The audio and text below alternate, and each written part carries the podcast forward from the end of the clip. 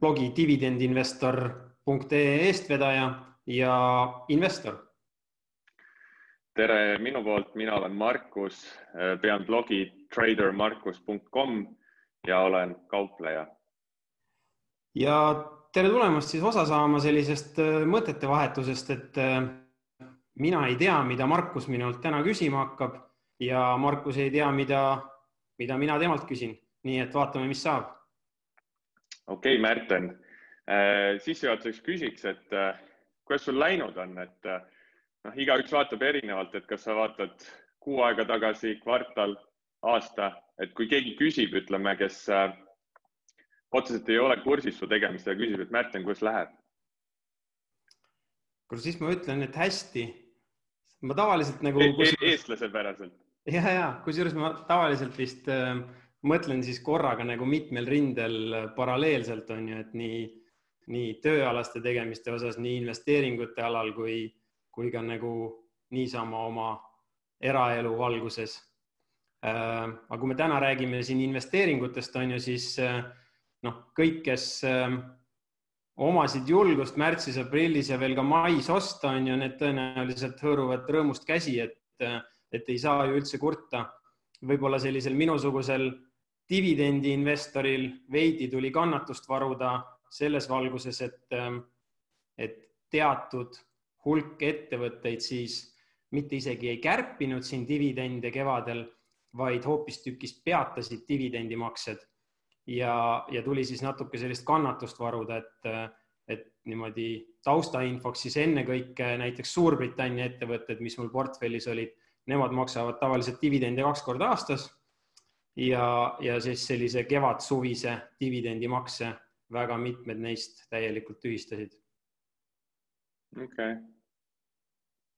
jah, eks see, eks see on kuidas kellelgi, et noh, kui ma näiteks ise äh, USA aktsia äh, kauplejana võin öelda, et on siiani hea aasta olnud, siis ma näiteks jälgin paljusid toormeturgude ja futuurikauplejaid, kellel jällegi ei ole olnud hea aasta, on negatiivne tootlus siiani.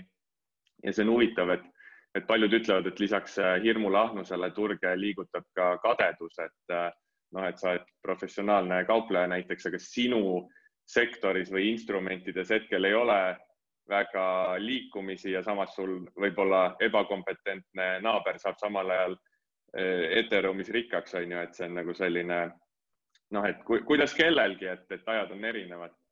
aga, aga võib-olla esimene teema, mida ma tahtsin sinu käest eh, küsida täna on see, et ma kuulasin hiljuti ühte saadet, kus räägiti nii-öelda aktsionäri tootlusest et äh, börsiettevõtte CEO-l on põhimõtteliselt viis varianti, mida ta võib ettevõtte rahaga teha. Äh, reinvesteerida oma ärisse, osta uusi ettevõtteid, maksta tagasi laenu, maksta dividendi või osta tagasi aktsiaid. ja seal nagu toodi välja niisugune huvitav point, et, et äh, rohkem nagu keskendutakse dividendimaksetele, dividendimäärale, aga väidetavalt siis äh, USA turul viimase kümnendi kahega on tegelikult tõusnud see aktsiate tagasiostu äh, osakaal ja, ja tihti sellele nagu rõhku ei panda või ei märgata, aga tegelikult annab päris äh, märkimisväärse nii-öelda tootluse lisa investorile. et kas äh, kas sellist äh, aktsiate tagasiostuprogrammi, kas seda saab üldse investor kuidagi mõõta, jälgida, enda kasuks ära kasutada? kuidas sina nagu lähtud, kas sa mõtled selle peale, kas sa kuidagi positsioneerid ennast sellistes ettevõtetes, kus saaks seda tagasiostu nii-öelda kogeda, on sellel nagu mingi põhi? Ja päris lahe küsimus, et ähm, tegelikult see konkreetne asi on minu siis sellises dividendiaktsiate või üldse aktsiate valimise protseduuris kenasti kirjas, et üks komponent ongi see, et ma vaatan, kuidas on muutunud äh, väljas olevate aktsiate arv läbi aja. ja, ja tänapäeval on see eriti aktuaalne ju selles valguses ka, et, et väga palju tulemustasu antakse aktsiate või aktsiaoptsioonide kujul. ehk siis meil justkui kogu aeg on jooksvalt puhub selline äh, lahjenemise või lahjendamise tuul on ju aktsionäri valguses. ja, ja ma pidevalt siis jälgingi neid nendel ettevõtete puhul, mis mul radaril on, et, et missugune see dünaamika on, kas aktsiate arv on ajas tõusev, langev või stabiilne ja, ja noh, pigem mulle siis meeldivad sellised ettevõtted, mis regulaarselt tasapisi ostavad tagasi ja annavad siis EPS-ile väikest niisugust boost'i on ju võrreldes äh, käibe ja kasumi kasvuga. ehk siis, kui sa ostad aktsiaid tagasi, aktsiate arv väheneb, siis kasum aktsia kohta selle võrra saab nagu väikest sellist lisakiirendust. ja jah, ja noh, tavaliselt ütleme siis selliste dividendiaktsiate puhul enamasti see lisakiirendus on vahemikus seal üks kuni neli protsenti aastas on ju. Ehm, et see on niisugune väike boonus siis, mida ma täitsa jah silmas pean. okei okay,, mul on siia üks jätkuküsimus selline praktilisema poole pealt, et äh, Berkshire Hathaway äh, Eesti investorite hulgas ka väga populaarne aktsia äh, dividendi küll ei maksa, ühe korra kuuekümnendatel on hästi väikse dividendi maksnud, Warren Buffett on teinud hiljem nalja, et äh, ta oli ilmselt see aeg tualetis, kui see dividendi otsus tehti. aga minu küsimus on see, et äh, augusti alguses andis Berkshire teada, et nad ostsid mais-juunis tagasi viie miljardi dollari eest aktsiaid ja Buffett on varem öelnud, et äh, börsiettevõttel on mõtet osta oma aktsiaid tagasi siis, kui aktsia hind on alla ettevõtte sisemise väärtuse. ehk siis justkui Buffetti silmis võiks olla Berkshire praegu hea ostukoht selle järgi või nii-öelda tema indikaatorite järgi. -hmm. kuidas sinul äh, suhted või mõtted Berkshire'iga on, kui ta dividendi küll ei maksa, mis sa ise Berkshire'ist arvad ähm,? ega ma suurt midagi ei arva, et ma olen nagu vaadanud, mis tal seal portfellis on Ehm, minu jaoks on seal nagu olnud pigem, kuidas ma seda nüüd viisakalt sõnastan, on ju, et, et mul on viimased niisugune viis kuni seitse aastat olnud tunne, et, et justkui Berkshire peaks ennast äh, jätkuvalt tõestama, et ma tahaks teda oma portfelli lisada, sellepärast et äh, Manger ja Buffett on juba eakad, on ju, äh, kaasati sinna uued fondijuhid, ettevõtte turukapitalisatsioon on nii suur et ei ole enam nii lihtne korrata seda, mida tehti eelmisel või üle-eelmisel kümnendil. Ja, ja täna ma ei tea, minu enda sisemine niisugune tunne on, et ma pigem ostan hästi hajutatud indeksfondi ja, ja kui me vaatame tootlusi viimased viis või seitse aastat tagasi, siis äh, see ongi isegi olnud ju parem otsus, et, et see ongi selline. okei okay., sul oleks võib-olla seda dividendi ikka sinna juurde vaja, et siis annaks. Äh, no võib-olla tõesti jah okei okay,, väga hea. kuule, aga siis äh, minu küsimus sulle esimene, et Nii. nädalavahetusel pidasime maha ühe sellise koolituspäeva mm -hmm. ja, ja muuhulgas meil oli selline asi nagu pankade paneel ehk äh, kutsusime sinna kolme Eestis tegutseva panga tegevjuhid, tuli Coopist, LHV-st ja, ja Swedbank Eesti tegevjuht. ja, ja selle valguses äh, konverentsi materjalidesse ma panin kokku sellise, sellise noh, finantssuhtarvude võrdlustabeli on ju, et äh, natukene sellist omakapitali tootlust ja varade tootluse poolt, kulude-tulude suhe, kapitali adekvaatsus ka on ju, et kuidas siis, kuidas siis see pool on äh, erinevates pankades lahendatud. et minu küsimus tegelikult sulle on, et hea küll, finantsanalüüs finantsanalüüsiks, aga kui me täna neid aktsiahindu vaatame, siis äh, kas sa näed graafikult, et mõni neist võiks olla kuidagi selline ahvatlevam täna kui mõni teine ehk täna me siis saame vaadata, on ju Coopi ja LHV-d meie kodubörsilt ja SEB-d ja Swedi äh, Stockholmist äh,. SEB-d ja Swedi ma olen Stockholmist huvi pärast vaadanud, mitte nüüd äh, viimasel ajal aga ma pean ütlema seda, et tegelikult eh, noh, näiteks LHV kodubörsilt äh, see likviidsus, kauplemismaht on nii madal, et minu jaoks ei ole minu tehniline analüüs piisavalt usaldusväärne. sest mina kauplen USA börsil äh, aktsiatega, mille päevakäive on vähemalt kümme miljonit dollarit.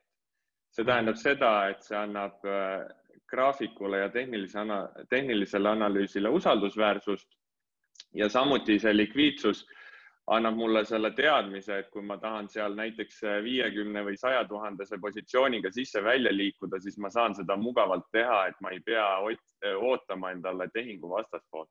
näitan sulle siis mingisuguseid PE ja price to book suhtarve, siis ikkagi sinu näos ei liigu ükski lihas, jah äh,? täiesti null selles mõttes, et äh, hea, et sa küsid muidugi, et äh, saad nagu selguse majja, et fundamentaale ma ei vaata absoluutselt äh, kogu info, kogu info tuleb minule graafikult, kogu otsustusprotsess eh, toimub graafiku põhjal, ma ei vaata uudiseid, analüütikute arvamusi, teiste arvamusi, fundamentaalnäitajaid.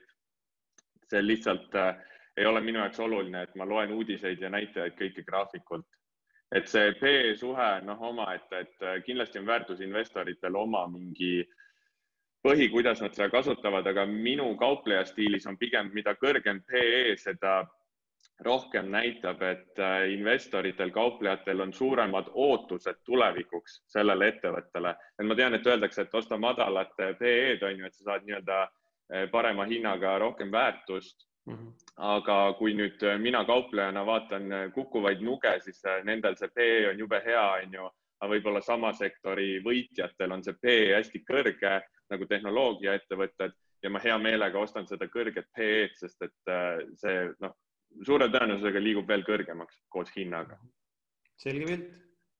et kuidas äh, sina oma dividendi investeerimisel hinda vaatad, et äh, noh, ma eeldan, et sa sisenedes tahad ka saada head dividendiaktsiat äh, soodsama hinnaga, aga kas sa hiljem, kui sa positsioonis oled, kas sa jälgid hinda edasi, et kuidagi seda väljumisotsust, äh, ma ei tea, kapitali kaitsmist või, või kasumi võtmist või kuidagi hinna liikumise põhjal otsustada või on kõik puhtalt ainult fundamentaal ja dividendimakse otsus?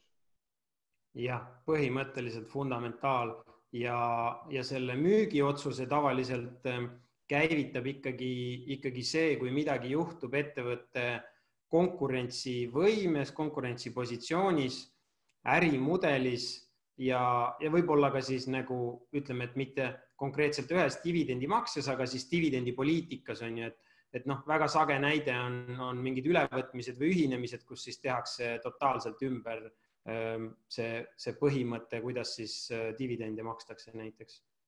okei okay,, aga ütleme, ma ise alati sellel puhul mõtlen, et näiteks sellised näited nagu niisugused skandaali pankroti näited nagu Enron, äh, Lehman Brothers, Wirecard et kui sa nagu hinda ei jälgi, noh, minu jaoks kauplejana on lihtne, et kui hind kukub mingile tasemele, ma väljun oma stopiga, onju. et kuidas sa nagu investorina, noh, ega väga siukseid skandaal, skandaale ette ei näe. aga on sul nagu mingi kaitse, näed sa, et sul on mingi kaitsemehhanism kapitali kaitsmiseks sellises olukorras? põhimõtteliselt, kui me räägime ikkagi nendest nagu tugevatest, tugeva bilansiga ettevõtetest, äh, millel on siis niisugune noh, mõnes mõttes mingi kvaliteedimärk ka juures, siis nende puhul iga järgmist langusfaasi ma pigem kasutan siis positsiooni suurendamiseks mm. -hmm. et ma olen läbi aja katsetanud erinevaid asju, ehk siis, et äh, üritan ajastada ka müüke või et müün osa positsioonist, aga päeva lõpuks ma olen alati jõudnud sellele järeldusele, et, äh, et, et see dividendiportfelliga ma toimetan paremini nii kui ma ainult ostan juurde nendelt soodsatelt hetkedelt, et ma ei ajasta neid müüke. et ma ei ole müükide ajastamises millegipärast nagu väga edukas, ma ütlen nagu ausalt välja, et mis siin ikka. okei okay. okay., see on jah, see on selles mõttes huvitav, et sina investorina ostad nõrkust ja pigem võib-olla müüksid tugevusse. mina kauplejana ostan tugevust ja mhm. pigem müün nõrkust. värskelt selline artikkel ilmus siin internetiavarustesse, kus äh, Madis Müür annab nõu, kuidas tehnoloogiafirmadega suurt tootlust püüda. et, ähm, et noh, kõik, kes on natukene investeerimise maailmal silma peal hoidnud, teavad, et Madis ähm, on siin olnud lead investor ehk juhtinvestor mitmete projektide puhul ja, ja pööranud siis börsil kaubeldavatele ettevõtetele selja ja asunud siis idufirmasid äh, noh, mitte ainult pooldama, vaid ka üles rääkima mõnes mõttes. ja, ja üks selline tsitaat äh, temalt sellest viimasest artiklis, et kui, kui üksik tehnoloogiaettevõte võib tõesti olla riskantsem kui üksik dividendiaktsia, siis hästi valitud ja hajutatud portfellide puhul on seisud juba hoopis teised kõrgema tootlusootuse tõttu. ja väga sageli siis on ju, Madis toob välja sellist ähm, numbrit, mis ta tõenäoliselt on võtnud sealt kusagilt Kalakanise või, või mingisuguse muu eduka ingelinvestori raamatust, et kogenud ingelinvestoritel on erinevate uuringute järgi varase faasi tootlused olnud kakskümmend kaks kuni kakskümmend seitse protsenti aastas. mina niisuguse vana investeerimishundina, et ma kõik need andmed, mis ma loen, võtan kätte ja vaatan neid ja, ja üritan kõrvutada siis tegelikkusega. ja on ju, annan endale kohe väga hästi aru, et me vaatame hästi lühikest perioodi, aga ega see Funderbeami enda indeks ehk siis selle idufirmade platvormi indeks ei olegi ähm, väga pika ajalooga, aga noh, vaatame seda, mis meil on, on ju.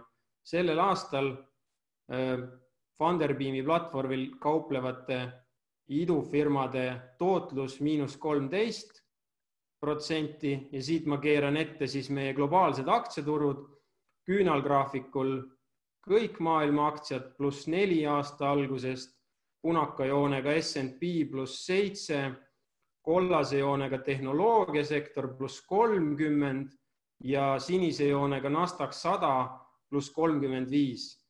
ja ega mul muud ei olegi nagu suurt küsimust kui see, et, et kuidas siis sina suhtud nagu sellesse, et, et edaspidi kogu tuleviku kasv tulebki ainult idudest ja ja börs on nagu siis selline dinosauruste surnuaed äh,? väga hea küsimus äh,. ma ütleks maitse asi esiteks äh,. ma ütlen, et äh,, et sa analüüsid inimesi sama palju nagu seda ettevõtte tegevust ja valdkonda siis idude mhm. puhul börsiettevõtete puhul ma juhtkonnaga rääkima ei lähe, kogu minu analüüs on arvutis veebipõhine siis graafikutega aga nüüd sellest tootlusest rääkides, mina vaatan oma töös tootlust koos volatiilsusega ehk siis, kui ma hindan mingit äh, aastast äh, tootlust või mingi strateegia tootlust, siis ma tahan alati näha veel sinna juurde, palju on selle äh, tootluse volatiilsus ehk siis kui palju ma pean üles-alla sõite tegema, et selle aasta tootluseni jõuda. ja teine asi on see, et kui palju selle tegevuse käigus äh, minu konto korraga võib kahaneda ehk siis max drawdown, et palju see konto kahanemine on enne, kui ta jälle tõusule pöörab ja taastub. võib-olla idudes on võib-olla see, et kuna noh, Funderbeamis saad küll neid kaubelda, aga tegelikult ju idu mõte on see, et kümme aastat perspektiiv, sa vahepeal üldse ei tea, mis see, su see token'i või osaluse väärtus teeb, on ju. võib-olla see on isegi hea aga, aga siiski see, ma ise näen, et see riskantsus seal ei ole nagu see noh, selle võrra nagu madalam, et sa lihtsalt, sa ei tea seda riskantsust või seda riski, mis sa võtad, et äh, minul on väga see kakskümmend kaks kuni kakskümmend seitse aasta tootlus minu jaoks ei ütle see mitte midagi, kui ma ei tea, mis see portfell peab läbi tegema, et sinna jõuda. aga mis sa arvad, kas see keskmine tootlus äh, on nagu keskmisele investorile ka kättesaadav, vaata, et nagu börsiaktsiate puhul me teame, et noh, ostad siis indeksit ja saad nagu keskmise kätte, et. jah, äh, tead, ma eelmise aasta lõpus tegin äh, esimese sammu, et investeerida idudesse mm., et mitte ainult Funderbeami nagu kinni jääda, ma tegin endale USA portaalidesse sarnastesse kontod siis mul jäi nagu sihuke mulje, et ma nagu ei tea, kas ma tahan siin paadis olla, mul jäi selline mulje natuke, et sinna portaali jõuavad pigem sellised teise ringi asjad, mida need privaatinvestorid ei soovi. ma, ma millegipärast arvan, et need, need paremad, paremad kalad jäävad sinna privaatinvestorite laua taha mm. -hmm. mis sa ise arvad sellest? Ehm, mina olen suhteliselt sedasama meelt, et äh, ükskõik, kas selleks on siis ähm, aktiivne aktsiavalik, kas ma otsin kasvuaktsiaid või dividendiaktsiaid või ma tegelen aktsiakauplemisega, et see on umbes täpselt sama nagu idude väljavalimine oma portfelli, et see nõuab mingit kogemust, aega, lisaks network'i ehk siis on ju võrgustikku. Ja, ja noh, ma olen suhteliselt veendunud, et see on keskmisele investorile kättesaamatu, see, see kogu sektori tootlus, millest räägitakse või ka siis nende venture capital fondide või, või idufirma fondide tootlus, millest sageli räägitakse. Jah, nõus, aga ma, ma ei taha üldse nagu kuidagi iduinvestorite motivatsiooni maha tõmmata, et see on ikkagi maitse asi, igaüks leiab oma, et äh, mõni kaupleb äh, krüptot, mõni idusid, äh, mõni aktsiabörsil, mõni toormeturgudel, et kuidas keegi, et ikkagi peab leidma selle oma valdkonna, kus sa tunned, et sul on mingit tugevust ja eelist. ei taha öelda, et, et, et sellepärast, et, et, et mina ei investeeri idudesse, et need kuidagi halvad oleks, et samamoodi ma ei soovita igalühel kauplema hakata, et absoluutselt mitte, et, et kauplemine on väga selline psühholoogiliselt raske ja, ja noh, ütleme, et sellist ettevõtlikkust ja iseseisvust on vaja selleks, et see kindlasti ei sobi igaühele. täitsa nõus kunagi me võime sellest pikemalt rääkida, et siis ma saan natuke oma Wirecardi seiklustest äh, rääkida. aa, okei, okei, seda tahaks kuulda küll. sina ütlesid väga hästi enne, et, et kauplejana sina ostad pigem tugevust ja viimase nädala-pooleteise jooksul on ju, mida me oleme näinud uudiseid. Renewable energy stocks are getting bid and bump uh,. Can renewable energy stocks continue to light up the market? ühesõnaga kogu see taastuvenergia, roheenergia, puhas energia on kuidagi nädala-pooleteisega päris korralikult otsa ülespoole keeranud, et mulle endale tundub, ma ei ole seal valdkonnas väga kuidagi aktiivselt sees. niimoodi pealiskaudsel vaatlusel tundub, et nagu päikesepaneelide aktsiad on kuidagi eriti agaralt ülespoole suuna ja, ja otsa võtnud, et äh, sina kui kaupleja, kes ostad tugevust, on ju, kas nüüd on õige aeg osta või nüüd on hilja? ütleme, kui sellised pealkirjad on, siis ma ilmselt vaataks, kas midagi saab hakata lühikeseks müüma. noh, ma ütlen ausalt, see meedia eesmärk ei ole teha kauplejaid rikkaks. meedia eesmärk on saada klikke, reklaamitulu. ajakirjanik ei ole analüütik ega kaupleja, tema teeb tööd oma meediaväljaandele. loomulikult on erandeid, et nagu meil siin kodumaine äh, välja mõeldud tegelasega selline väga praktiline börsiteemaline kanal, kus eh, tihti noh, jagatakse head infot ja, ja õpetlikke artikleid, aga ma räägin sellisest üldisest finantsmeediast.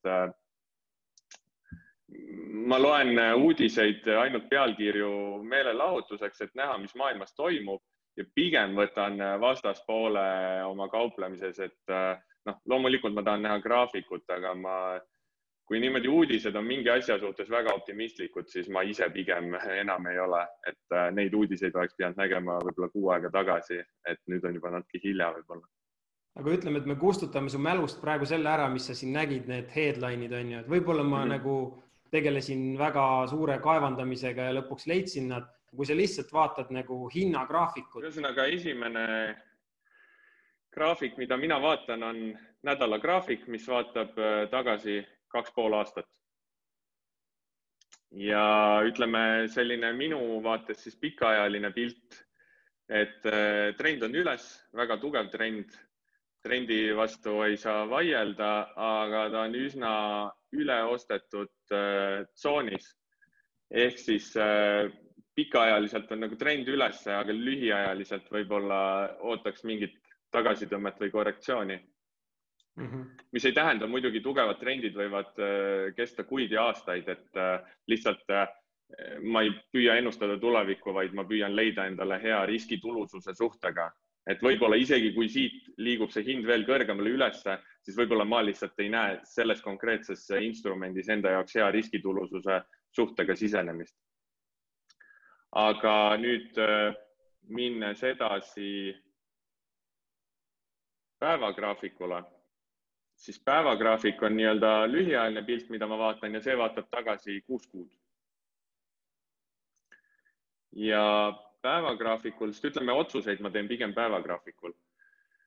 Äh, päevagraafikul on ka siin septembris oli, tekkis peale ülestrendi kauplemisvahemik külgsuunaline ja siis ta murdis sealt välja septembri lõpus, ütleme, kui ma oleks seda jälginud, siis see septembri lõpp oleks olnud see koht, kus ma oleks tahtnud tugevust osta sest täna on see, et ta on ka, ta on natuke üleostetud äh, tsoonis äh, lühiajaliselt ka päevagraafikul ja ma pigem ootaks siit mingit äh, tagasitõmmet siia kuskile, ma ei tea, üheksateist, kahekümne dollari kanti ja siis sealt ootaks nagu uut tugevust. et ütleme, ma tahan ka osta odavalt, aga ma tahan osta odavalt seda, mis liigub minule sobivas suunas, et ma ei taha osta nagu odavat kukkuvat, ma tahan osta odavat äh, aktsiat, mis on siis peale konsolideerumist või korrektsiooni äh, noh, suure tõenäosusega hakkab jälle tõusma, vähemalt märgid on sellised. kui ma oleks seda õigel ajal jälginud, ostnud, siis ma hetkel hoiaks edasi, siis ma oleksin siin sees ja sõidaks trendiga niikaua, kuni see kestab ja annab märke, et suure tõenäosusega hakkab pöörama.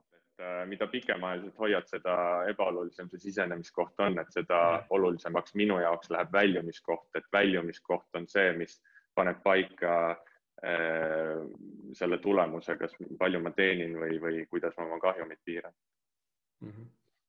selge pilt. on sul veel mingeid küsimusi? kui jätta muud tegurid välja, siis kas dividendiaktsiat ostad vahetult enne või peale X-Div päeva ja miks?